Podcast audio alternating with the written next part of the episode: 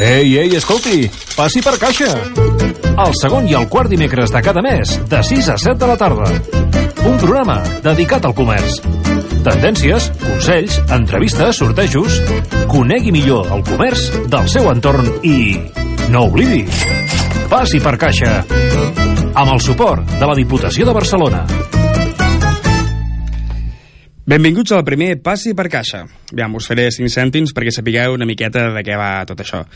És tan simple com que es tracta d'un programa de ràdio que vol posar en valor el comerç de proximitat a través d'un mitjà públic. Un programa que us explicarà i posarà a debat tot allò que té a veure en passar per caixa. Així de fàcil. I com ho farà? Doncs responem a preguntes. Per exemple, feu llista abans d'anar a comprar? O som sostenibles a l'hora de comprar? Compreu en bossa o en cabàs? Sou d'anar mercat setmanal? Esteu al cas de les últimes tendències en moda? O sabeu, per exemple, què és un show cooking i un pret a porter? Sembla mentida?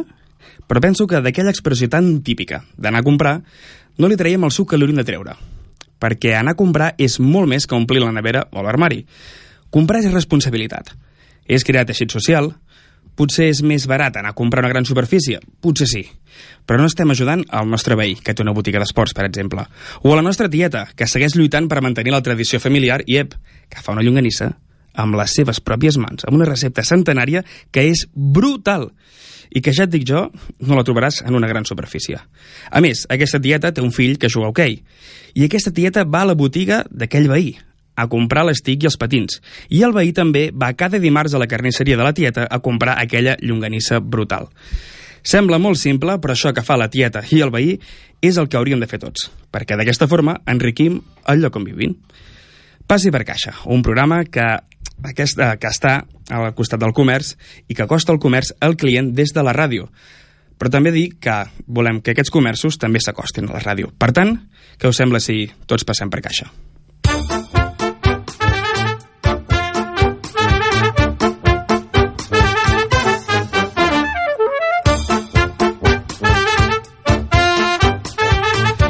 Doncs és aquesta la sintonia d'aquest Passi per Caixa, aquest primer programa que encetem avui dimecres i que seguirem fins pràcticament a finals de, de temporada, que pràcticament al juny. I de què parlarem avui? Doncs cada programa parlarem d'una temàtica. I avui parlarem de què? De fires. Concretament, de la del porc i cervesa de Manlleu i també de la Fira del Bolet dins el Coll Sacabra viu. A més a més, també escoltarem els clients opinant de tot això, de tot plegat, perquè hem trucat a unes quanta gent de diferents poblacions de la comarca que ens diguin aviam què en pensen d'aquestes fires. I també, com no, tindrem la nostra secció habitual amb la Judit Serrano, que ens portarà doncs, una sèrie d'innovacions en l'àmbit del comerç i també, com sempre, ens acabarà fent una recomanació. I dir-vos, a més a més, que no sé si heu seguit les xarxes de Ràdio Manlleu aquests últims dies, i és que teníem un sorteig en joc eh, que venia arrel d'aquest programa. I en aquesta setmana, doncs, sortejàvem dos premis. Eh, cadascuna de les persones afortunades, doncs, obtindria tiquets per valor de 25 euros per gastar els dies dels dies 4 al 6 d'octubre a la Fira Gastronòmica del Porc i Cervesa de Manlleu. Com ho han fet aquestes persones? Doncs han participat a dins de l'Instagram contestant a una pregunta molt simple, simplement donar la seva opinió, com era, em sembla, de quin és el millor, el millor recepte que fèieu en porno. Hem tingut 19 respostes, per no haver començat el programa està força bé, em sembla, eh? Dir-vos que direm el guanyador del sorteig al final del programa, però que avui encetarem un nou programa, així que estigueu atents a les eh, xarxes socials, concretament a l'Instagram de Ràdio Manlleu, per veure què sortejarem la propera en els propers dies. Que la pregunta serà tan simple com quin és el plat cuinat amb bolets que més us agrada. I què sortejarem en aquest cas? Doncs dos premis valorats en vals de 20 euros per gastar també a la Fira del Bolet de Cantoni Gros, que ja veureu que d'aquí una estona en parlarem i que ja se'n fa una miqueta la boca aigua perquè com que ja hem entrat a la tardor és qüestió de parlar de bolets. Així que sense menys preàmbuls, què sembla si comencem a entrar en matèria i anem a veure de què va aquest primer programa parlant de la Fira del Porc i la Cervesa i també també del Coll Sacabra. Piu.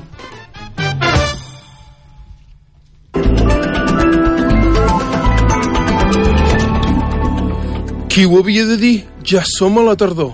Ai, has sentit? Sí, aquest any es faran bolets.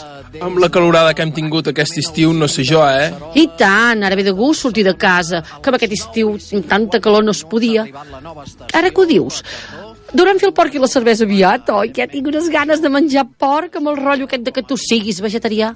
Doncs jo tinc ganes de menjar bolets. Em sembla que pel Pilar fan la fira del bolet a Can Toni, perquè, que jo recordi, a principis d'octubre comença el coll de cabra viu. Ja tenim feina, quin octubre que ens espera. Llàstima que no hi hagi la Mariona, amb el que ella li agrada pujar al cabrerès. Ja prou que es fotrà les botes aquella en Roger. No se li cabrà les cerveses, no? Calla, calla, Beneit, que se'ns ha de treure el màster i no hi ha manera.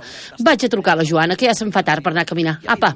Vés, vés, Mercè, que jo faré l'amanida per sopar. Ah, tu ves fent l'amanida, pobre de tu, que en Roger i jo ja ens fotrem les botifarres. Fins ara, Ramon.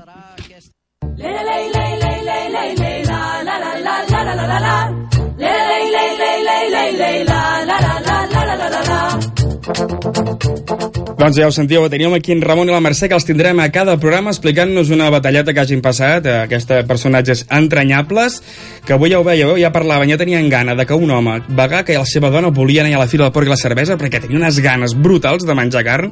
Imagineu-vos com deu ser aquesta casa, espereu el que us arriba. Entrem a matèria, com us dèiem, avui tenim aquí que ens acompanyen en aquest primer programa a 4 a 5 persones, perdoneu. Primer de tot, donar les gràcies per haver vingut, per una banda a l'Ima Muñoz, que és la tècnica doncs, de Fires i Mercats de l'Ajuntament de Manlleu. Bona tarda, Imma. Bona tarda. Per altra banda també tenim en Cesc Colom, que ve en nom també del Mercat Municipal i també del carnisseria Colombila. Què tal, Cesc? Bones, bona tarda. Un tio molt entranyable. Sembla que està aquí molt callat ara, molt, molt, molt camaler, però a la que engegui ja veureu, ja veureu. Per altra banda, també al seu costat, també un altre del gremi, com és l'Albert Codina, també propietari d'embotits del Coll Cabra. Què tal, Albert? Hola, bé. Des de Cantoni, que ens ve l'Albert. I també tenim, doncs, a, a l'Imma Collell, coordinadora de la desfilada d'aquest any del mapa dins de la Fira de, de Porc i Cervesa. Què tal, Imma? Bona tarda. Molt bé, bona tarda a tothom. I també doncs, a l'alcalde de l'Esquirol, Àlex Muntanyà, que també ens parlarà una miqueta de què és tot això del, del coll de cabra viu. Bona tarda, Àlex. Bona tarda. T'he costat una miqueta més al micro, em sembla que si no ens sentirem gaire. Ara sí. Si us sembla, ja fem com els partits, eh, com el sorteig de, de, dels partits de futbol, que sempre, doncs, eh, primer donen la, el preu a triar la moneda al, al, al, al diguéssim, a l'equip visitant. I ara que cas, si ens sembla, parlarem doncs una miqueta del, ja que som a Manlleu, parlarem una miqueta del, del Coll de Cabra. Primer de tot, Àlex Muntanyà, alcalde de l'Esquirol. Explica'm una miqueta en què consisteix això del Coll de Cabra Viu, perquè em sembla que va sortir tot d'una miqueta de fomentar una miqueta el turisme, no? Una miqueta tot plegat. Com va començar això? Perquè no n'estic gaire segur jo d'això. Bé, evidentment que sembla que no n'estàs gaire segur, eh? No, Perquè... no, no, per això mateix. Aquesta història del Coll de Cabra Viu eh, l'arrosseguem ara, aquest serà el segon any, i bé, la seva història va començar simplement i màgicament amb el, amb el Fira del Llibre de Muntanya del Coll de Cabra durant gairebé eh, 20 anys, no me'n recordo exactament eh, doncs es feia aquesta fira al voltant de, de tots els pobles de Cabra, Rupit, Tabertet, Cantoni Gros i l'Esquirol i llavors feia, ja fa 4 o 5 anys que va marxar cap a Vic i llavors es feia una fira compartida entre Vic i el Coll de Cabra i bé, l'any passat vam considerar que havíem de, de remenar les cireres nosaltres mateixos allà al Coll de Cabra, com es diu, Uh -huh. i ens vam posar d'acord els, els diferents municipis del Coll de Cabra per retornar a la fórmula inicial del, de la Fira del Llibre de Muntanya, li vam canviar el nom més, més genèric perquè hi poguessin entrar-hi més, més àmbits, eh, cultura, esport, gastronomia, etc etc. i així hem fet el Coll de Cabra Viu. És un cap de setmana a cada poble del Coll Cabra. Començarem el, bé, començarem el, di, el primer cap de setmana a Rupit, continuem amb, amb Cantoni Gros, seguim amb l'Esquirol i acabem al poble de, de Tabertet. Molt bé, i què, què, quines activitats trobarem més o menys en aquest Coll de Cabra Viu dins tot aquest itinerari que podríem fer més o menys així al Paral? Sí, ens trobàvem que, esclar, eh, fer la, la Fira del Llibre de, de Muntanya del Coll Cabra en un sol cap de setmana, eh, tantes activitats no hi cabien, i llavors ho vam, ho vam eixamplar eh, aquest mes sencer i durant cada cap de setmana diferents pobles. Eh, inicialment, doncs, bueno, volíem, volíem volíem constatar que la, la fira continuava amb, el, amb el regust del, del llibre, de la cultura, de la natura que es viu allà al Coll de Cabra, però hi vam anar afegint eh, bueno, cosetes, petits detalls, com la gastronomia, eh, temes musicals, que també ens acompanya la gent de, de Matlleu, del Voltregraners de Roda, amb, amb aquesta iniciativa a través de la Diputació de Barcelona, el musical que és gastronomia i Sí, música. sé de què em parles, a més a més, em sembla, eh? Sí, sí, ben bé. I llavors, eh, des de concerts, de música, el que diem, eh, moltes presentacions de llibre que tenen a veure amb, amb, amb, amb el territori en general, però eh, incidim molt en temes de, del Cabrerès, del Coll Cabra, hi ha una exposició de fotografies antigues al carrer del Pont de, de l'Esquirol, eh, farem una, una xerrada de, de les excavacions del Castell de Cabrera, uh -huh. eh, al final de l'octubre és la setmana és la setmana bueno, de mediambiental a nivell de Catalunya, per tant aquella setmana es faran xerrades a les escoles que tenen a veure amb, amb tot el tema de l'agricultura ecològica. I bueno, eh, donem, donem peu a que diferents personatges, entitats i, i ambients es, s'incrustin allà al Cabra. Mm -hmm. Perquè com ho feu? Perquè clar, és el que em comentaves, que és un àmbit també molt obert, no? que podíem trobar des de la part esportiva, perquè poder la natura com a tal, dins del Coll de Cabra i el Cabreràs com a tal, té una, té una importància vital, no? I clar, entren iniciatives així, com dèiem, no? esportives, iniciatives gastronòmiques, iniciatives culturals, clar, sembla tot un batibull molt, molt, molt, molt, això, molt, molt dens que costa, no?, potser de concentrar tot el, el nom ho diu, Coll de Cabra viu. Més viu que mai. Més viu que mai per tant, estem... Encara que Vic intenti allò emportar-se les coses, Clar, eh? No volem concentrar-ho eh, tot en un poble amb una sola activitat perquè ens confondríem, no Clar. volem aquell turisme depredador del qual es parla tant ara, sinó que volem que la gent es perdi pel Coll de Cabra. Nosaltres Clar. ja el coneixem, però volem que la gent es perdi. Que agafant, agafant aquesta pilota ara mateix, que em comentaves també de, de poder una miqueta educar aquest turisme, no? per dir-ho d'alguna manera, no sé, sembla que s'han fet algunes iniciatives o s'estan promovent algunes iniciatives per poder, doncs, um, no sé com dir-ho, no? endreçar una miqueta, entre cometes, podríem dir, aquest turisme, que a vegades parlem molt de la massificació del turisme al Coll de Cabra, que a vegades pot ser un problema com s'ha trobat en molts llocs, no? Sí, no, no, no és només el Coll de Cabra, hi ha molts altres altres espais de, de Catalunya que, que, que pateixen d'aquest turisme massificat i, i poc agraït en el territori. Els comerciants ho pateixen. No pot ser que s'estiguin a mitja hora fent un pícnic i no se'n vagin a fer un cafè o no, o no s'allotgin en algun hotel o casa rural de, del Coll de Cabra en aquest cas. Per tant, el que volem és que eh, trepitgin el Coll de Cabra, pernoctin i que al final el, el, el productor, el, el comerciant i, i bueno, les persones que hi viuen se'n se, beneficin, que no només ens trepitgin, eh? no, no, no, no ho dic despectivament, sinó que volem que s'ho passin bé. Nosaltres estem molt agraïts al,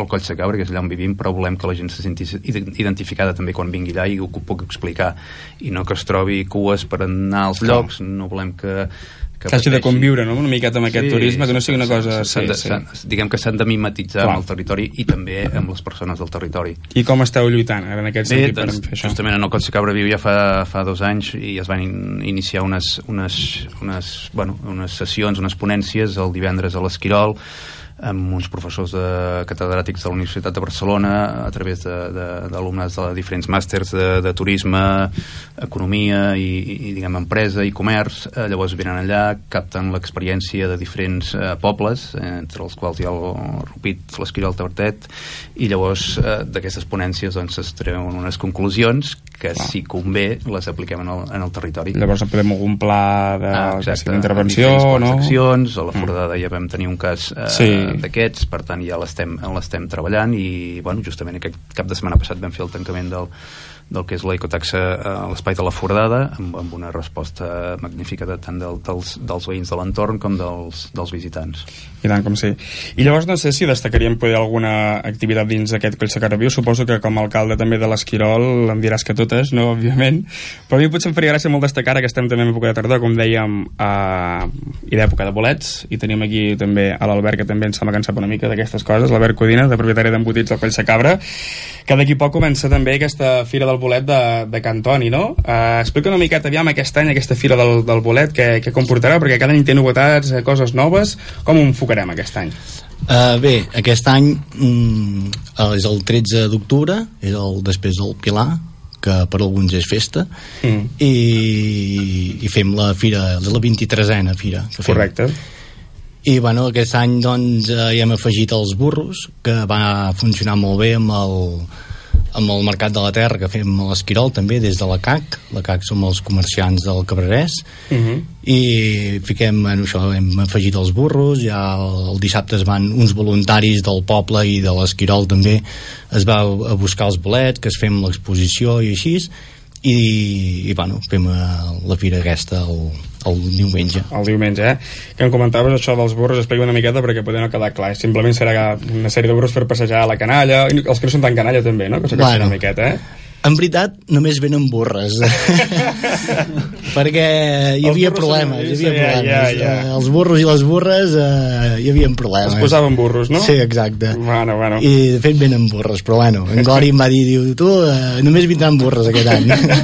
bueno, mentre vinguin burres ja n'hi ha, ja ha prou que puguin passejar una miqueta. Em comentaves això ara mateix també de, de la CAC, no? d'aquesta associació de comerciants. Uh, explica una miqueta també com, com participa dins el, el mateix Coll de Cabra Viu que ens comentava ara mateix l'alcalde de l'Esquirol, l'Àlex, com participa aquesta CAC dins el, el Coll de Cabra Viu també? um, bueno, la CAC va néixer l'any 2010, si no recordo malament, abans. Uh, Voltants, posem-hi, no? I, i bueno, va ser una iniciativa des de l'Ajuntament doncs per, per bueno, concentrar una mica els, els comerciants i mirar de, de fomentar el comerç, de potenciar el comerç i de Mhm. fer activitats i així, no? Uh, bé, mm, nosaltres des del moment zero vam ser-hi i, i, bueno, hem anat fent bastantes activitats. Algunes ens han funcionat, algunes no, normal. I ara doncs aquest any precisament hem fet un canvi de junta que també ha entrat gent nova també amb ganes de, de, De fer coses noves, sí, no, una exacte. Mica. i bueno, que ara estem això a tope amb la, amb la fira del bolet. Després ja comencem campanyes de Nadal i bueno, anar, anar fent tampoc volem fer moltes coses eh? Vull dir, volem fer, ens hem Poques, proposat... fetes, no? sí, exacte, ens hem proposat aquest any per exemple dos objectius un és, és ampliar el nombre de socis inclús mirar de que si pot entrar algun constructor, inclús algun, no sé, un ferrer, un fuster, vull dir, mirar de, de, de, de potenciar-ho amb aquest altre, amb aquest altres negocis, diguéssim, i, i l'altre doncs, és mirar de, de, això de potenciar el comerç que als pobles petits ens costa molt doncs, seguir endavant i mirar de, de, bueno, d'això buscar Sí, de una mica, alternatives fer alternatives, això que deies, no? Però és això, quines activitats realitzar, més o menys, des de, això, des de la CAC, a, això com deia, suposo que participava, com dèiem, a la Fira del Bolet, amb algun altre tipus de fira, o inclús amb esdeveniments també més a nivell més gran, com podia ser, per exemple, m'ho invento, eh? com podia ser el tema de la, de la Cabrera Est, de la BTT, o alguna cosa d'aquestes, no sé com participeu en aquest, en aquest cas. Um, aquest any, els, bueno, eh, els, els programes que fem, diguéssim, comencem acabant la, la campanya de Nadal, que s'acaba el 7-8 de gener, després eh, fem Sant Jordi, fem, fem alguns detallets per clients i així, eh, fem la, el Mercat de la Terra, també, el mes de maig és, Mhm. més o menys. Sí. A després... més, aquest any em sembla que va coincidir que també feien una trobada de d'escoles de música, pot ser, em sembla, o una cosa Sí, així, que a més sí, va sí. venir molta gent de fora, que és el que dèiem, Sí. no? Una mica recíproc, Sí. el fet de que tinguis també turisme de fora, que et ve, que et coneix una miqueta, i mira, poc o molt van fer una mica de gasto allà Sí. al poble, no?, en aquest cas. Sí, sí, no. No, no, vull dir, el fet de, de inter, intercanviar coses i, jo què sé, eh, diferents activitats, doncs això és, és molt productiu, no? Perquè la gent que pugin allà expressament per una fira costa, Clar, no? costa una mica. En canvi, doncs, si si posen doncs, l'escola de música de roda o escoles així, doncs et funciona, no? Clar, sempre és allò que dèiem, no? Si, hi ha, si hi ha menjar gratis, si hi ha canalla, és èxit assegurat, no? Sí, Potser exacte. Aquest tipus de fires, no? Sí, sí. Una miqueta. Uh, doncs digues, digues, com Va, després fem el, el, per la festa major, també fem diferents activitats per la festa major, Uh -huh. i després ja passem a la Fira del Bolet que és el, això sol ser la segona tercera setmana de- d'octubre i res, i ja no ha tocat la per campanya Nadal i tornem a agafar i la tornem, roda. sí. Poder aquesta Fira del Bolet és la que té poder també una mica més de, de coneixença no? fora de la comarca. Hi ha molta gent que ve de fora de la comarca i, i fins i tot de la mateixa comarca que puja fins a Cantoni a aquesta fira per veure com, com ha anat i això, no? No sé si també ho, ho, veu, ho veieu des del comerç eh, així també, de fet, això. això van començar-ho els comerciants de Can Toni Gros, no? la Fira del Bolet, a través d'uns micòlegs que venien d'Esplugues, i bueno, realment aquests micòlegs van quedar parats no? que trobar més de 500 espècies en un municipi com és l'Esquirol i Cantoni, Cantoni, i així mhm. doncs van quedar, vull dir, bueno, no s'ho creien no? en francès va, va guanyar els dos primers premis precisament eh? vull dir, Ja ho he dit, que és que semblava que no, però és que hi havia una vinculació, eh? No, fa, fa molts, molts anys, com has dit tu, que es feia aquesta fira i jo ho recordo amb molta estima perquè els primers anys en vam, vam participar jo i el meu germà amb aquella il·lusió d'anar trobant bolets, dos, de cada, dos bolets de cada espècie i va donar la casualitat que vam guanyar i abans els hi he explicat i és molt maco això, no? Clar. Bueno, i aquest, aquí tenim un dels guanyadors que ens expliqués una miqueta què va ser per guanyar amb això, que va, que, algun truc. Ja sé que els No, boletaires no. som així, eh? Que no, no diem els llocs, no, eh? no, no, però... no, no hi ha, o sigui, el que vam guanyar nosaltres va ser, doncs, volum d'espècies. I quan busques volum d'espècies t'has de moure una miqueta per tot una mica per tot el territori. Has d'anar buscant diferents, diferents arbustos, arbres, més humitat, Clar. menys, carenes, valls, recs, Bueno, sabeu, més humitat, sabeu menys... on neix el bolet per anar-lo a buscar, no? Sí. No, no, no, no. No, no, no, vull dir, és, és Ja molt dirà, la extens. zona del coll, baixarem per aquí, no us dirà pas sa- això, eh? No, no, no, no, vull dir, eh, érem petits, el meu germà ho arrasàvem tot i, i, i, i ja està, vull dir, ho recordo amb molta, amb molta il·lusió i amb tanta il·lusió com que també la canalla que pugen avui en dia també ho han d'anar a veure perquè això és, Clar, és, és, és cosa nostra. Jo dono fe que hi he estat en alguna ocasió, que també sóc així bastant boletaire, m'agrada molt pujar-hi. Vaig estar l'any passat, i si l'any passat no va ser pas una època gaire bona No. de bolets, eh, per no dir gens. No sé aquest any tampoc, anem, anem, encara és d'hora per dir-ho, però no sé com estarà la cosa aquest any. Com ho veus, Albert? Bueno, ho veig una mica... Negre. Tar, tar, tardar, tardar, de moment, sí. perquè no, Podrem no plou, la fira, plou. no? O què? Podrem tirar més, en, més enrere, passar No sé, novembre. no ho sé, depèn. Això, el canvi climàtic, Per això, per això. Ens, ens marca, ens marca. I, bueno, i a nivell també de comerciant, què, què, què oferiu en aquesta fira també del, del bolet? En aquest cas, què s'hi pot trobar? Uh, bueno, aquí, eh, per exemple, de la CAC hi han sis comerciants que també participen a la fira i així, i fem diferents tastets i, bueno, cadascú posa la seva pardeta, un posa el bar, l'altre embotits, un altre posa formatges, vull dir, fem això, diferents pardetes, Mhm. uh -huh. i hi ha passejades per, amb Seaway també, no és de, del Cabrerès, eh? però No. bueno, vull dir, és molt divertit, jo hi vaig anar l'any passat i Jo també vaig posar l'any passat i vaig patir bastant. de. A més, a la zona on estaven, que estarem ben bé al costat de la pista, el que és l'asfalt d'allà no era gaire... no hi havia gaire asfalt, que diguem. I era, era dificilot, eh, pujar allà dalt. Bueno, bueno. Hi havia el, el coordinador aquell que anava en el monitor, que anava tal qual, s'enfilava, pim-pam, el teníem a dalt gairebé posat a dalt a, És com esquiar, això, és com esquiar. No ho sé pas, eh? Moure el cul una mica i ja està. bastant, bastant, eh? Molt bé, no sé quines activitats podem dir d'aquest uh, Fira del Bolet aquest any que puguem destacar. Per així també cridar una miqueta a la gent que ens estigui escoltant a tota la comarca i això. No sé si podem destacar Um, alguna cosa a nivell de concerts o a nivell també... Sí, bueno, es fan, es fan els, un concert, em sembla, és a les 12 del migdia, fa un concert allà a les escoles, Mm. eh, a darrere les escoles, eh? Dir, Sí. Sempre hi haurà l'exposició a dintre les escoles de, dels bolets i així, i després hi ha una xerrada també d'en d'en Santi, que és, en, és d'allà a l'Esquirol, i de les herbes que es, bueno, remeieres i herbes que, que són mengívoles i tot, bueno, vull dir, tot això és, són, és molt interessant en Santi quan, quan explica Bueno, que aquestes si és algú coses. d'aquelles persones que saps que hi entén i té una Sí, manera també sí, sí, sí. divertida d'explicar-ho, no és molt més amè tot Mm. plegat. Sí, sí, sí. No? Molt bé, no sé si hi, a l'Àlex també, l'alcalde de l'Esquirol també vol afegir alguna cosa més també dins d'aquesta fira o dins de tot aquest coll de cabra viu perquè podeu de destacar moltes activitats Bueno, de totes les que aquell feu, eh? dia a Cantoni Gros eh, hi haurà el, el Canicross, que és la segona Mm. edició de, que s'organitza el Canicross allà justament a Cantoni Gros i bueno, sembla que, que pren volada Canicross entenem com a Canicross, córrer amb el gos. Córrer amb el gos, exacte. Però d'aquells que van lligats amb un gos o dos, Sí, no hi ha sí, pas correcte. carros ni res? No, no, no, no, En no. aquest cas només seria el tema d'aquest. D'inter...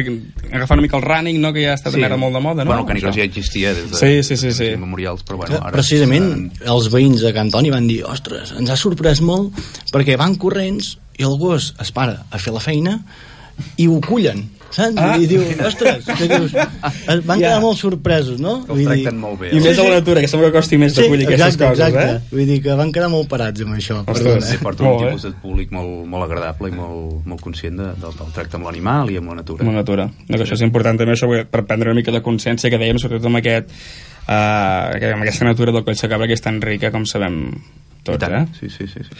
Molt bé, doncs tanquem aquesta part aquí una miqueta de, parlant d'aquest coll de cabra viu. Em sembla que també hi havia, que havia, havia de marxar també l'Àlex, no? vull dir que et donem les gràcies per haver participat en aquest primer programa i ens retrobem a la propera i segur que en tota aquesta sèrie d'activitats que tindrem a durant, durant aquell coll de cabra viu. Gràcies a vosaltres i felicitats per la iniciativa.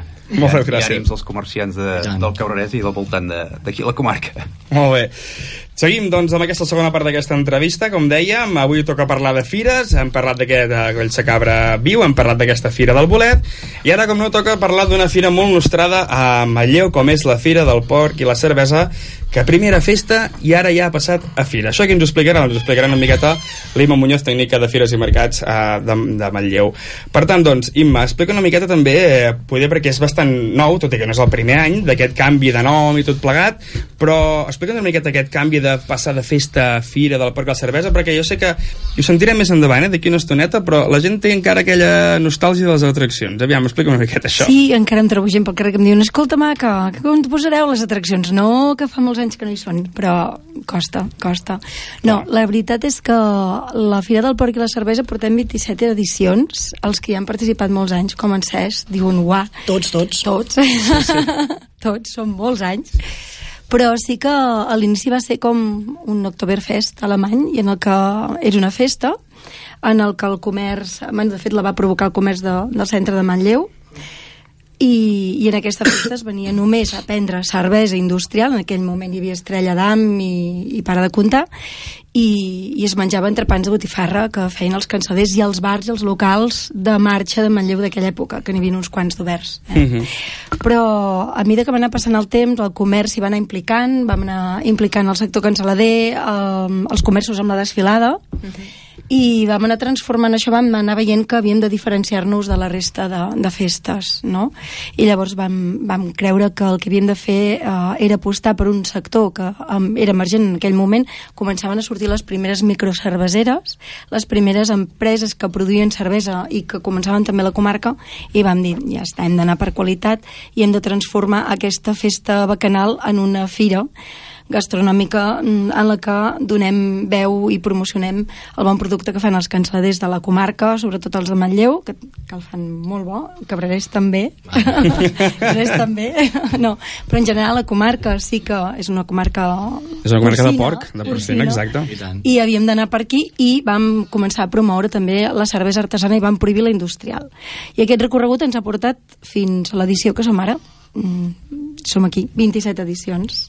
Es diu ràpid, eh? Es diu ràpid, sí. I a més canviant la plaça, també com ha canviat tot plegat, Sí, eh? Que sí, també sí. va ser poder no un problema, però vull dir, va ser poder una dificultat que després ha estat una cosa bona, aquest canvi Mhm. de plaça, no? que, que també doncs, va, va influenciar molt en aquesta festa i fira uh, de porc i cervesa. I és això que comentava, suposo, no sé si ja ho has comentat una miqueta, no? però segueix una miqueta el, el model d'aquesta fira d'enguany respecte a la de les passades edicions o podem trobar alguna cosa diferent? Com, com, perquè clar, és el que dèiem, tot canvia. Sí. Hi ha moltíssimes cerveseres a, a nivell, poder, sobretot, eh, d'artesanal que estan creixent. No sé si diria que són al voltant d'unes 180 a Catalunya, Sí, sí, sí. quan en tota Espanya estem parlant d'unes 350. És a dir, la gran concentració de cervesers artesanals de, de, de, de, del país, sí, del país estan, estan, estan, aquí. estan aquí. Sí, sí, ens en portem la palma. Clar, i a més això que dèiem, també hi ha hagut canvis també poder a l'hora de, de, de, també gastronòmics, no? a l'hora de, de pensar com mengem i què deixem de menjar. No sé si això també ha afectat una miqueta amb com s'està enfocant la fira ara mateix. Sí, la fira presenta diversos canvis, també una mica perquè o les fires innoves i vas presentant novetats o la gent que ja l'ha viscut un any potser al final deixa de, de repetir i, i deixa de venir, no? I per tant ha de- ha d'estar... Jo sempre dic que les fires i les activitats són vives fins que acaben, vull dir, fins que no has tancat l'edició. Que...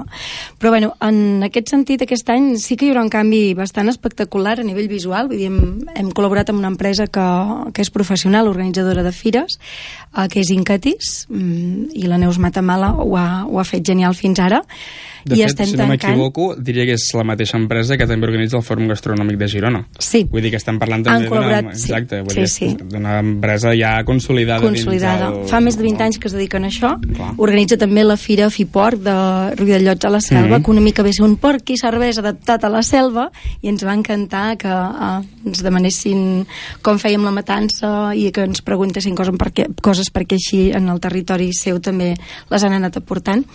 Però, en fi, aquesta fira eh, havíem de fer canvis perquè el sector cancel·lader també tingués energia i ganes de ser-hi, a part dels visitants, i l'han transformat una mica a nivell visual en un market. No sé si heu anat al White Summer o Mm. al Santa A la Market. Santa Market, Val. sí, sí. Doncs canviem les carpes i veureu totes les estructures Tot de fusta. fusta, tot fusta, hi haurà una enorme piràmide de leds eh, que ja genera un canvi, zones chill-out perquè les famílies i els nens i qui vulgui reposar una estona i gaudir amb calma d'una cervesa artesana ho pugui fer.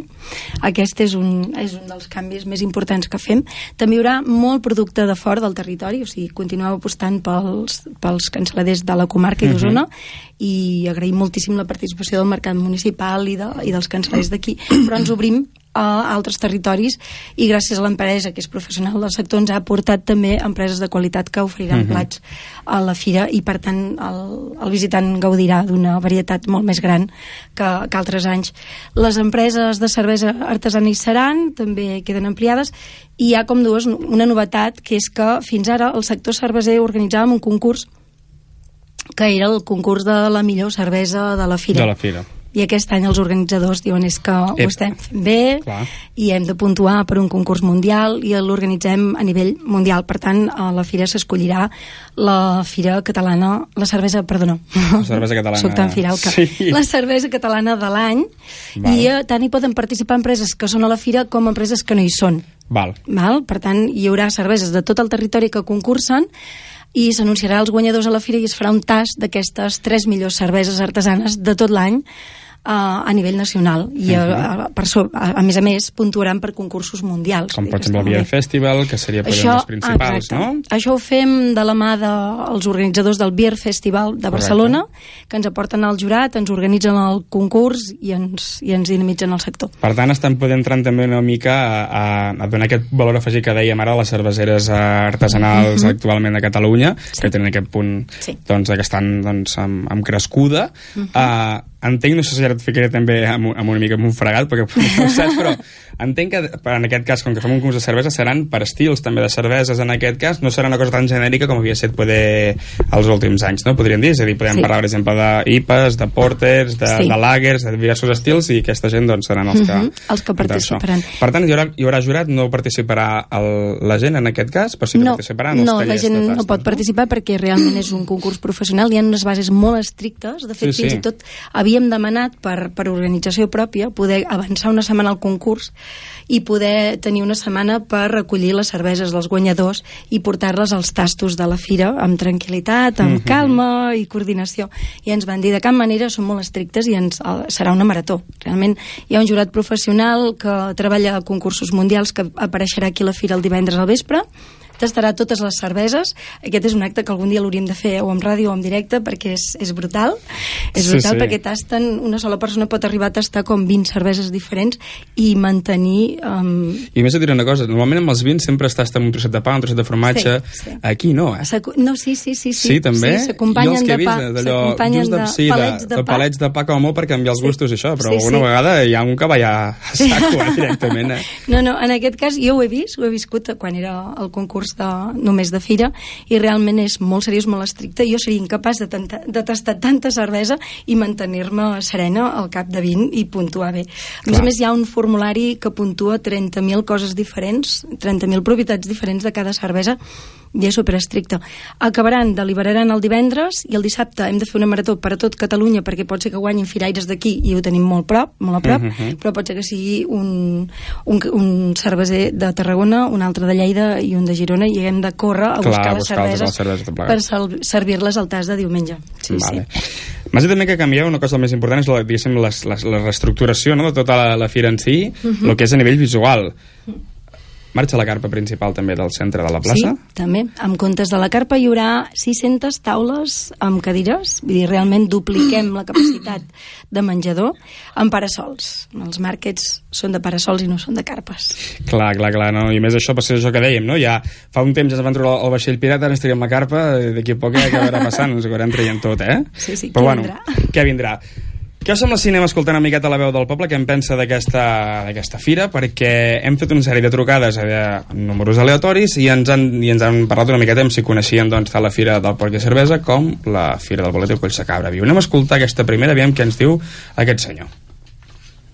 Hola, bona tarda. Uh, bé, el truco d'un nou programa d'aquí a Ràdio Malló que es diu Passi per Caixa, uh, en el qual uh, estem fent, estem trucant a gent i li preguntem una mica sobre la Fira del Porc i la Cervesa, perquè vostè és de Manlleu, oi? Sí, de tota la vida. Tota la vida, i orgullós, de fet, no?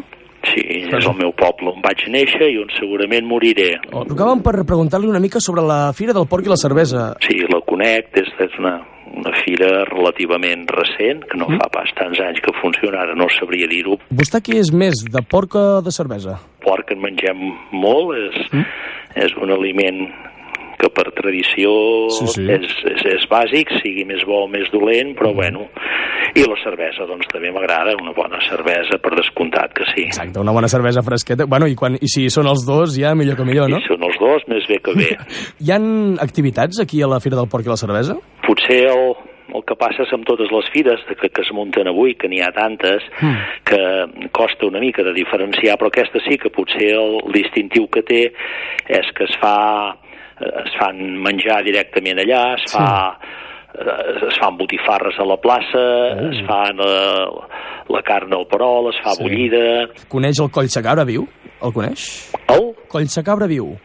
N'he sentit a parlar, Sí. però no el conec tant com la festa del porc i la cervesa, perquè Sí. em queda més lluny, però esclar, el conec el, el coll de cabra. Amb molt, amb molt de gust, que tingueu èxit i que tireu endavant.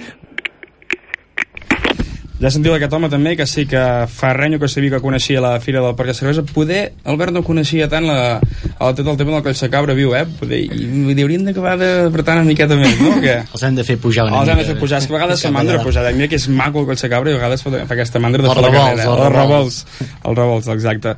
Uh, acabem de parlar una miqueta d'aquesta fira, ja que se'ns va acabant el temps d'aquesta entrevista, que avui ha estat molt densa i molt llarga, perquè teníem moltes coses a parlar. Fa una estona ja hi havia un dels gremi del canceladers que teníem aquí, en Cesc, que ja es queixava, diu, Imma, no has parlat de les llonganisses. Té raó, té raó. Clar, i és que a més a més va ser un gairebé guanyador final de, de, de, de, de, de, d'aquest- dels últims Va concursos. guanyar, va haver de duplicar la producció de llonganisses, confessa. No, no, no. No he guanyat cap cop No, encara. jo sé que va quedar tercer quart, no? Va ser? Menció. Fa, fa dos anys quart, l'any Sí, passat tercer, tercer. i, i Una ara aquest any... menció és, és, que- guanyar premi. És, No, És sí. molt difícil, eh? És, sí, que tinguin una menció ja és guanyar. És el que passa que quan no saps perdre ni el parxís, s'hi ha de ser, s'hi ha de ser fins a arribar al podi, eh? Vale. Sí, sí, sí. I tant, doncs ara que estem aquí, Cesc, que, que formes part també del mercat municipal, explica una, una miqueta com, com participa el mercat municipal en aquesta fira, perquè més sabem que hi ha diverses activitats, dir, no tant com a parada com a tal, que sí, però poder la, la, la, la clau i on tu ets l'expert aquí és amb la paraula que fa una mica de por dir-la, pues la matança d'aquest porc que a mi Sí, no em fa gens sí. de por i és, és, és, és brutal veure-ho. Explica'ns una miqueta aviam com funciona Mira, això. eh, com ha dit la abans, el, el que era la festa i ara és Fira del Porc i la Cervesa, que fa 27 anys que es fa, el mercat ja ha estat sempre involucrat i des del primer any s'ha volgut donar a conèixer una miqueta doncs, que era l'ofici i tradicional matança del porc eh, tan centenària, tan històrica, tan arrelada aquí aquesta nostra, nostra comarca o, o, o, o petit país, que es pot dir Catalunya, doncs, doncs fer-ne una mica de reproducció, ex explicar una miqueta eh, per què es feia, eh, una mica els passos doncs, de, de, de, des, de, des de que l'agafes, el, el, el sacrifiques fins que fas el despassejat, etc etc.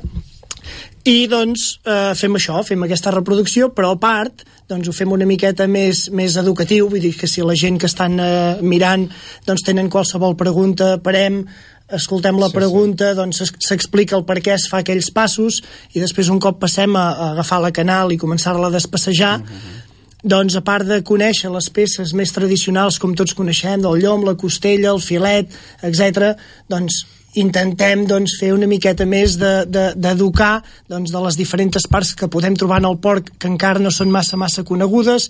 Les expliquem d'on surten com podria ser eh, la llata del porc eh, la llàgrima, el abanico eh, No, una el sèrie de- cordonet que es diu lagarto Hi ha una sèrie d'argot que a mi em queda fora, eh, completament. Eh, són, són peces que, que han existit sempre. Sí. Uh, Se'ls hi ha donat un nou format i se les ha batejat i bueno, doncs que pots aconseguir no, nous, nous plats eh, diferents maneres de menjar el porc, de degustar-lo en brasa, planxa, estofat o sigui, de diferents maneres, maneres. i allà és, és on ho expliquem i com has dit abans eh, la, la tradicional matança el porc no es mata allà No, no, exacte. ens ve, ens ve mort de, de, de l'escorxador passant tots els, tots els eh, procediments procediments sanitaris, sanitaris. etc etc. ve allà i només fem una mica de reproducció de lo que era aquesta activitat tan històrica de, de nostra.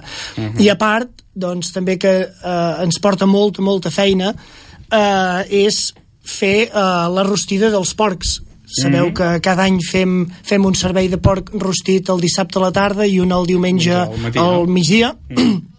Són uns porcs que estan rostits amb llenya més de 14 hores, així és amb Això és com, cocció. com, com un assado argentí, això Ah, gairebé, exacte, no? sí, sí, sí, sí. Si ho féssim amb vedella seria, Seria seria, això. això. mateix. I ens, en, ens estimem molt aquesta, aquesta, aquesta rostida, doncs perquè, ostres, eh, des de l'hora 1 que fem el primer porc fins al final del segon, són 28 hores eh, pendents d'una rostida de mantenir el caliu amb termòmetres mirant que la temperatura d'interior estigui correcta doncs perquè els visitants que estiguin a la fira puguin degustar-ho i disfrutin Clar, molt de és que no ho sembla, però tot és de- un art, tot plat. això, eh? Ho has de tenir tot molt, molt modificat. Sí, perquè sempre sí. és allò típic dels punts de la carn. Què és això dels punts de la carn? Mireu, això. jo no fa tants anys com 27 que es fa la fira, que sóc aquí, però déu nhi els anys que fa que estic al mercat. Ja, està, ja estem cap als 16 anys que estem al mercat, jo almenys, i des de fa 16 anys en ara eh, he millorat cada any. Clar. Eh, Sempre de veritat que, més, que no? cada any, cada any eh, trobem pegues eh, que quan el fileteges i el poses en un entrepà o en un plat amb mongetes o el que sigui, doncs trobes aquella peça que no està ben bé al punt, doncs intentes l'any següent corregir-ho, fer-ho més bé Mhm, i fins aquí, vull dir que intentem ser tan partíceps com puguem. Com podeu veure, ja ho escolteu, tenim un comerç local que és aposta per la millora contínua, eh? És un Sí, no sí, sí, sí. No paren de queixar-se per por, no? Sí, no, quedar-se quiet és anar enrere, eh? Sí, sí, sí. Només és brutal de veure perquè passen la nit allà. Sí, no, no, Vigilant i- i, controlant i- el porc, eh? És així, eh? Jo el que deia, també és un show, tot el tema de la matança també allà amb el micro posat, ostres, deus sentir-te especial i tot aquell dia. Home. No? No, no important, al mig tothom mira... Sí, no, xerrar m'agrada. Sí, ja ho sabem, ja. Però, no, però a part, doncs, explicar el que, el que tu saps, Clar. el que has vist a casa. Té un valor afegit, sí, tot plegat, sí, sí, clar, sí. Clar, clar, està clar. I a nivell també com a canceladera i dins del mercat eh, de, municipal de Manlleu, també com, com afecta aquesta fira eh, en aquest gremi? Perdona, digue'm.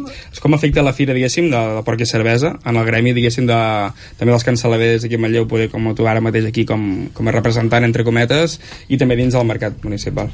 Home, eh, què representa? Primer, molta feina.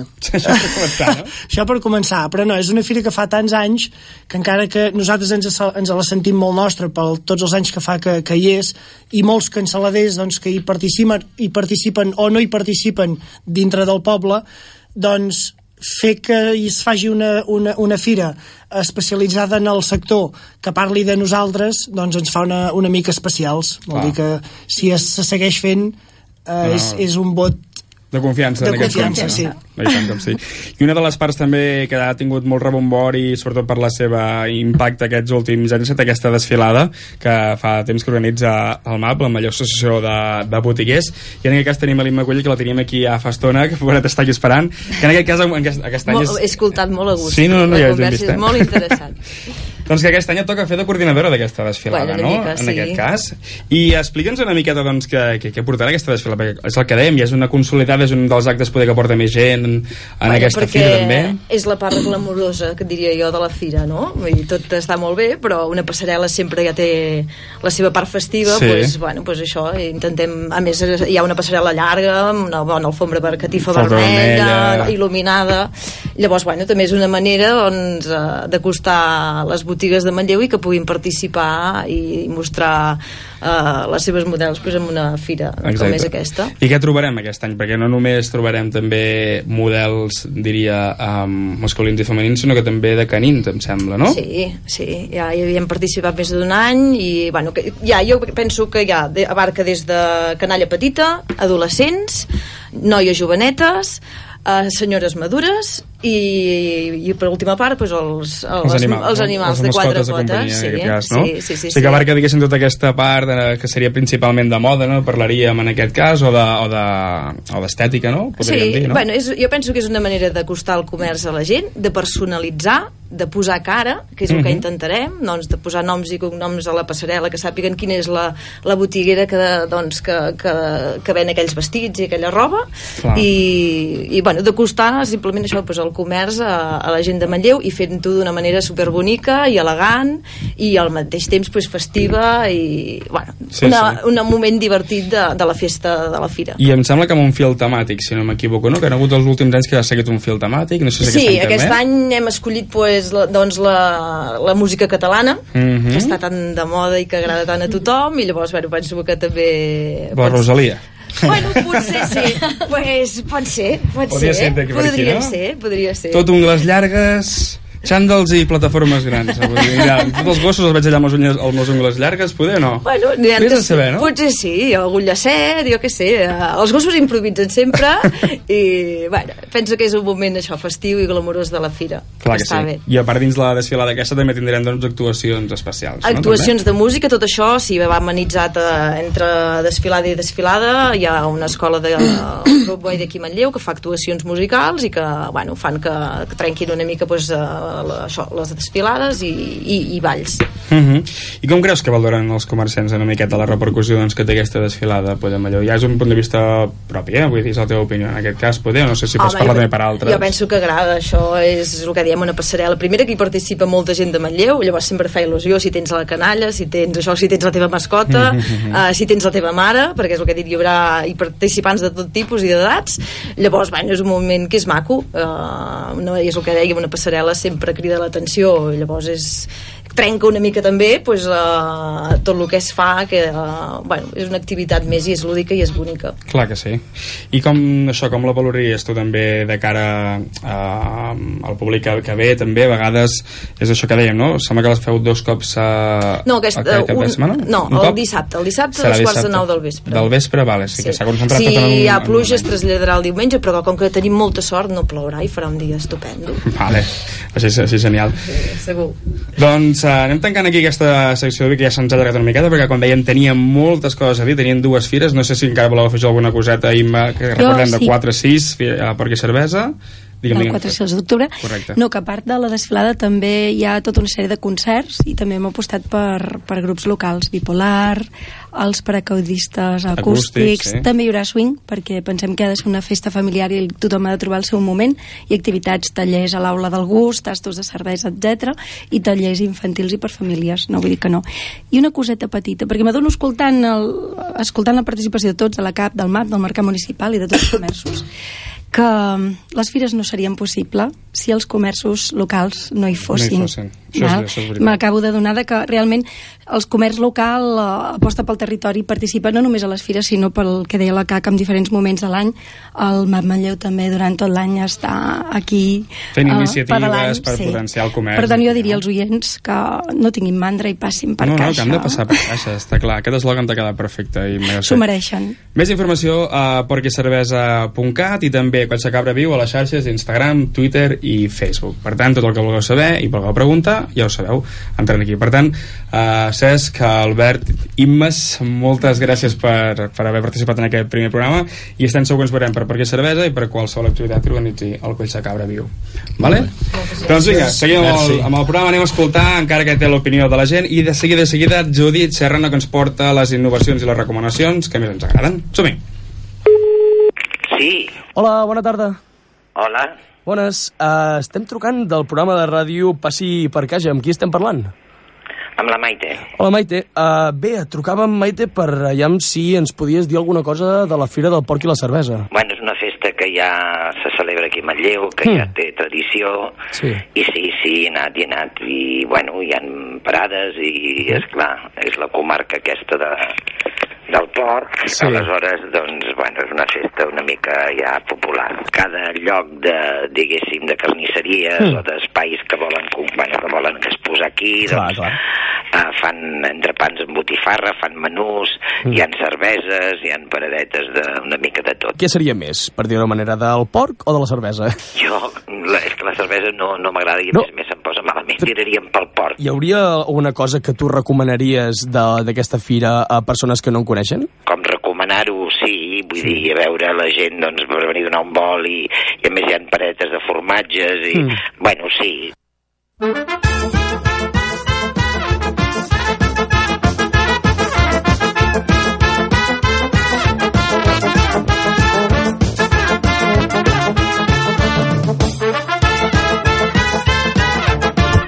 Vinga, va, que el temps se'n tira a sobre, ja directament, ara ja tenim aquí a l'estupendíssima Judit Serrano. Molt bona ué, tarda, ué. què tal, com estàs? Com anem?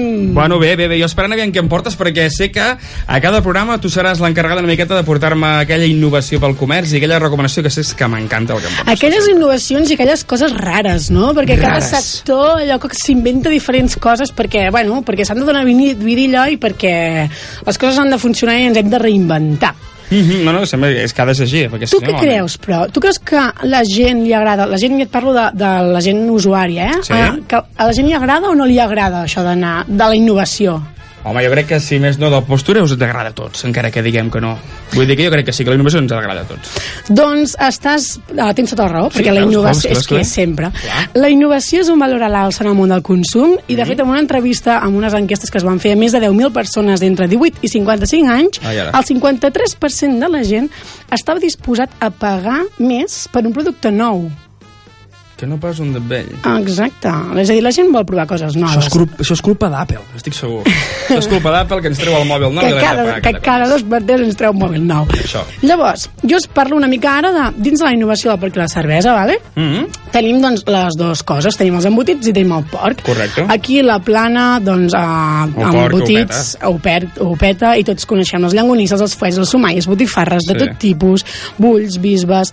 Uh, però després també hi ha els, els típics embotits que ja són tradicionals d'un lloc, que no serien innovadors, sinó que són estranys perquè no els coneixem, com per exemple pot ser la girella de Pallars Jussà Ah, sí. o el garrillot de la Garrotxa, que són embotits que poc coneguts He tastat la girella aquest d'estiu i haig de dir que està molt bo. És com una espècie de bull molt guai, molt bo. Sí, no, no, no, jo, jo t'haig de dir que no ho he provat, eh? Jo sí. I està, és Jo és que, sóc un vull. viatjador nat. Ets un viatjador o no? El que ets Un provador, un tastador. Ets, ah, un tastador nat. Una cosa. Gourmet. Llavors, en el món dels embotits, quin tipus d'innovació tenim? Aviam. Normalment sempre partim de la base que és carn, Mhm. no? I després hi ha dues maneres. Una, innovem amb el tipus de carn, com per exemple el xoriç de poltre o el xoriç de cabra Mm. o el fet de conill. Ostres. Ah, no ens ha agradat gaire aquest, Ja, no m'ha agradat gaire. Ah. I l'altra manera és amb l'embotit típic i tradicional que tots ja coneixem i introduïm pues, un ingredient, Mhm. com el típic, jo què sé, els fuets amb formatge, no? amb roquefort o cabra, Te'l compro. uh, fuets amb ceps, que Mhm. el fuet amb ceps seria com, crec que seria l'embotit estrella d'aquest primer programa. Home, doncs sí, perquè estem barrejant Fira del Bolet i Fira del Perquè Cervesa. Pues ja si m'hi poses la, no cervesa allà, seria Perfecte, genial. tenim la foto, senyors, tenim Clar la sí. foto d'estudi. Llavors, altres coses, uh, bulls, bulls amb bolets, bulls amb carbassa. Bulls amb cervesa, tenim un segon producte estrella d'aquest programa, bulls, Vull amb, amb cer- cervesa. Sí. És que la cervesa i l'embotit sempre van molt lligats de la mà, eh, em sembla? I ara te'n diré uns quants, te'n diré dos, que per mi m'han xocat molt, i no sé si seria capaç de provar-los. Bull de crema catalana i bull de mojito. El mojito encara te'l compro. Jo soc el com- català, però la crema catalana en un bull, no sé, faci te'l... Jo t'ho juro que no, vull dir, no, no, no, no, no sé si, si entraria gaire. I per últim, uh, una altra cosa innovadora que ja seria el sumum de tot és els embotits Sí? que no tenen carn. Com s'explica això? Com s'explica? Pues, un tofu, pues, un, un llista de tofu. embotits vegetarians. Bueno, és que hi ha d'haver-hi cosa per tothom. Sí, clar. Parlem aquí molt del som una comarca, molt del porc i tot plegat, però hi ha d'haver-hi cosa per tothom. Doncs són embotits que estan fets en base d'ou, Ah. vale? que aquesta seria la part uh, de proteïna, però el fort és que la marca, en aquest cas, que està comercialitzant aquests embotits, Sí. el, el principal, diu que no és per la gent vegetariana, que això és el que jo entenc. És per la gent que menja carn, Mm. vol reduir la seva carn i a més a més vol que tingui uh, menys colesterol. Bueno, és una manera també de- d'entrar en aquest mercat, no? Una mica. Sí. Eh, Seria, bueno, pot ser interessant també doncs, de començar a crear nous públics en aquest cas, no? Sí, sí. No sé, diria jo. Anem ràpid a les innovacions amb la cervesa. La cervesa Ah, ja... ara m'agrada. La cervesa artesana, Esto no? a mi. Ah, Sí, sí. Cada vegada doncs, va més a l'alça i fins i tot ara tu en pots fer a casa. És a Sí, dir, sí. tu trobaràs Venen packs... kits, eh? Venen kits a tot arreu. Però kits a 35 euros, eh? Bé, això és un pim-pam i tots a fer cerveses. No, doncs jo et porto quatre innovacions per mi molt heavies, vale? que he Vale. trobat i que uh, estan al món de la cervesa. Per exemple, un que ho està patant molt és una empresa australiana que es diu Forheads Brewing Company i és una cervesa que li agradaria molt amb Bugs Bunny Bugs Bunny, per què? perquè el 16% de la cervesa està feta de pastanaga. Què dius, ara? Te lo juro. Està tot fermentat un pastanac aquí? No tinc ni idea com Home, ho el fan. carrot cake m'agrada, però no sé si amb cervesa també s'hauria de tastar això. No mira, mira, sé. saps què et dic? Investigaré, aviam si ho trobem, això. Una altra. I et Si dic el jo, cap proper programa. si jo et dic l'eslògan, Sí. la cervesa més sana i més guapa, què creus que porta la cervesa? Home, ha de portar cereals segur, no? Ordi, llúpols, Ja, però perquè sigui la més guapa, no sé... Un... una mica de carmín de labios. Què dius? No, home, no. Ah. Home, seria divertit tenir una ampolla que quan veus et queda els llavis pintats. Una cosa que seria divertit. Uh, porta aloe vera i tots sabem Ah, de deixar la pell finíssima. home, estupendo sí, nena. llavors t'agraden les infusions, Gigi? A mi soc més de cafè, però també, sí. sí doncs sí. hi ha una altra empresa que es diu Hop Theory que ha creat unes bossetes, vale, tipus Mm. infusions De fet, Hop, la traducció és llúpol. molt bé, És que tinc, doncs tinc, soc estàs, tia, a do, dic, estic a ets, tope. ets, bili, ets trilingüe No tant. doncs uh, aquest, aquests sobrets es fiquen a dins de la cervesa Sí. els deixes uns moments i allò que fa és, amb diferents uh, pues porten, jo què sé, amb carcasses de diferents fruites, diferents Com llúpols si fos un gin tònic d'aquests Ah, d'ara, però exacte. amb cervesa. Sí, és com si tu agafes, imagina't ara agafar un, un sobre Sí. de, de Maria Lluïsa i Eh? ficar-ho dins d'una cervesa. Llavors és la mateixa cervesa de tota la vida, però amb aquests sobres tu li dones aquell punt diferent. Ja, sigui, ostres, això ja està rissant el risso, que diria algú, I eh? per últim, uh, l'estranya que us- et porto és um, cervesa feta amb aigua de mar Mediterrani. Mm, no mola gaire perquè ha de portar molt de plàstic, això, eh? És a dir, Segur, fijo, vaja. No és per no treure-li clientela a aquest no, personatge no, que ha fet això. i de però fet, t'agradarà molt dir com es diu, jo crec. La Mediterrània. Mediterràniament. No. no? És que No. ja estem jugant amb aquestes coses. No, ja, no, no, pas. es diu Herboquerón. Herboquerón. I l'eslògan em va agradar molt perquè és para gente salada. Sas. M'agrada molt aquesta. Només per eslògan ja la compraria. Eh, Eh, és, que, genial. és que a vegades hi té molt a veure això, i els comerços haurien de saber-ho, eh? Haurien de saber. Que, que s'hauria de mirar cap aquí. Vull dir que ja ho veig bé. Et dic res, dues coses rares que he vist que la gent fa amb, amb els bolets i, i recomanacions, jo crec que la gent més o menys sap uh, que, bàsicament, recomanacions, no, vigileu els bolets que mengeu. Mm, bueno, encara tinc 3 minutets, jo crec que me'n pots encara explicar una mica. Sí, vale. Molt. Bueno, però m'estimo més explicar-te les innovacions. Explica'm les innovacions, va. Però més que innovacions són usos que no coneixem pels bolets. Uh, com per exemple, bueno, Com- a part dels psicotròpics, clar, però aquests No, entraria, aquests no, no són aquests els que trobarem a, a, a la fira de Cantoni Gros, dubto que trobem Du- aquests. Bueno, algun n'hi ha, però no te'ls deixen tastar. En Ens algun carrer poder d'allà darrere amagat, Sí, no ho no sabrem sap. pas. Uh, no, els bolets, uh, per exemple, Sí. hi existeix un nou, noves startups que són cultivadors de bolets, Ep, vale?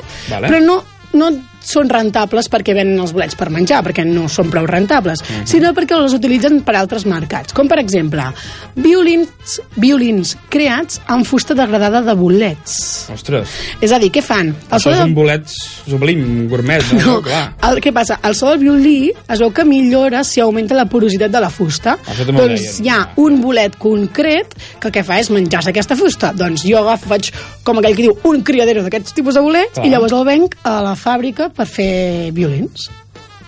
Pues em sembla molt bé. Què et sembla? És una manera també de, de, de reciclar-se, no? Això és També. gent que pensa molt. Té molt temps lliure. Sí. Llavors, també hi han bolets que descontaminen aigües, hi han bolets que el que fan és recuperar el liti de les piles gastades. Epa! Jo en gasto moltes de piles d'aquestes. Per aquest rellotge d'aquí de l'estudi em sembla que també l'hauríem de gastar, de, l'hauríem de posar Am, d'aquestes, eh? sí. Perquè sembla, sembla, I- sembla l'olla.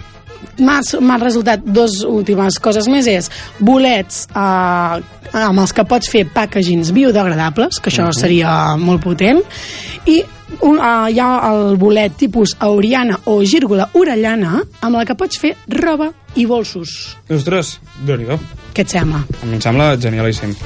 Doncs, Doncs, deixem-ho aquí, aquí. Juli, perquè sembla que se'ns està acabant bastant el temps en aquest cas i, i és que aquest programa avui a mi m'ha passat volat, no sé vosaltres, però a mi m'ha passat volat i és hora ja que queden ja ara 3 minutets per arribar al punt de les 7 de la tarda on entrarem també la, amb, amb la informació de, de Manlleu a veure que qui ha estat el guanyador de, del concurs que teníem en joc a les xarxes socials Vale. de Manlleu, concretament a Instagram de Ràdio Manlleu. Carrego el guanyador ha set- comentaris. Carrega comentaris, aviam. Carrego comentaris, hi ha hagut Vale. 19 comentaris, 5, 4, 3, 2, 1, i els guanyadors són Groig 222 i Judit Parareda. Aviam, el Groig, dos, dos, dos, i la Judit Pedrera, aplauso, aplauso, aplauso, aplauso. Que en- Aplauso. Que en Groig, dos, dos, dos, deia que la seva recepta amb porc era el filet de porc amb xocolata negra i canyella perfumat amb ratafia fi, aquest tio sap el que es parla. Uau. De veritat. I la Judit Paradeda em deies que ell el seu plat pre- preferit de porc és el biquini de pernil salat amb nocilla, aquelles coses que fem de petits. Sí. No, home, no. Jo això de petit no ho feia. Mm. O un biquini o nocilla, però no ho barregis. Bueno, però ja està bé. Molt bé. Doncs aquestes dues persones s'emporten això, eh? Un premi cadascuna, valorat en 25 euros per gastar del 4 al 6 d'octubre a la Fira Gastronòmica del Porc i Cervesa de Manlleu. I que ja engegarem el següent sorteig, que la pregunta serà aquesta, i diu, quin és el plat cuinat amb bolets que més us agrada? En joc, dos premis valorats en 20 euros per gastar a la Fira del Bolet de Cantoni Gros. No queda més temps, ens despedim i aquí ràpidament, donar les gràcies a tothom que ha fet possible eh, aquest programa, principalment doncs, a Ràdio Manlleu, Ràdio Roda i Ràdio Voltregà i també els ajuntaments de Manlleu, Sant Hipòlit de Voltregà, Masies de Voltregà, Roda de Ter, l'Esquirol, Rupit i Bruit i Tabertet i, com no, també a la Diputació de Barcelona. Respira, respira, Gigi, És sisplau. que acabaré, acabaré morint. Abans, ja, ja, ja acabem. Uh, el teu plat preferit amb bolets? Amb bolets, el meu plat preferit és uh, xampinyons, tal qual. Soc un tio simple, vull dir, ferro amb tal qual, xampinyons. tal qual. Pues molt bé. No, mira, truita de rossinyols, canvio. Perfecte. Dicho. Ens retrobem d'aquí dues setmanetes, eh? dimecres que ve, 9 d'octubre a les 6 de la tarda, aquí a Ràdio Manlleu. També ens podeu retrobar aquest programa al web de Ràdio Manlleu i al podcasting. Moltes gràcies i recordeu sempre que heu de passar per caixa. Adéu-siau!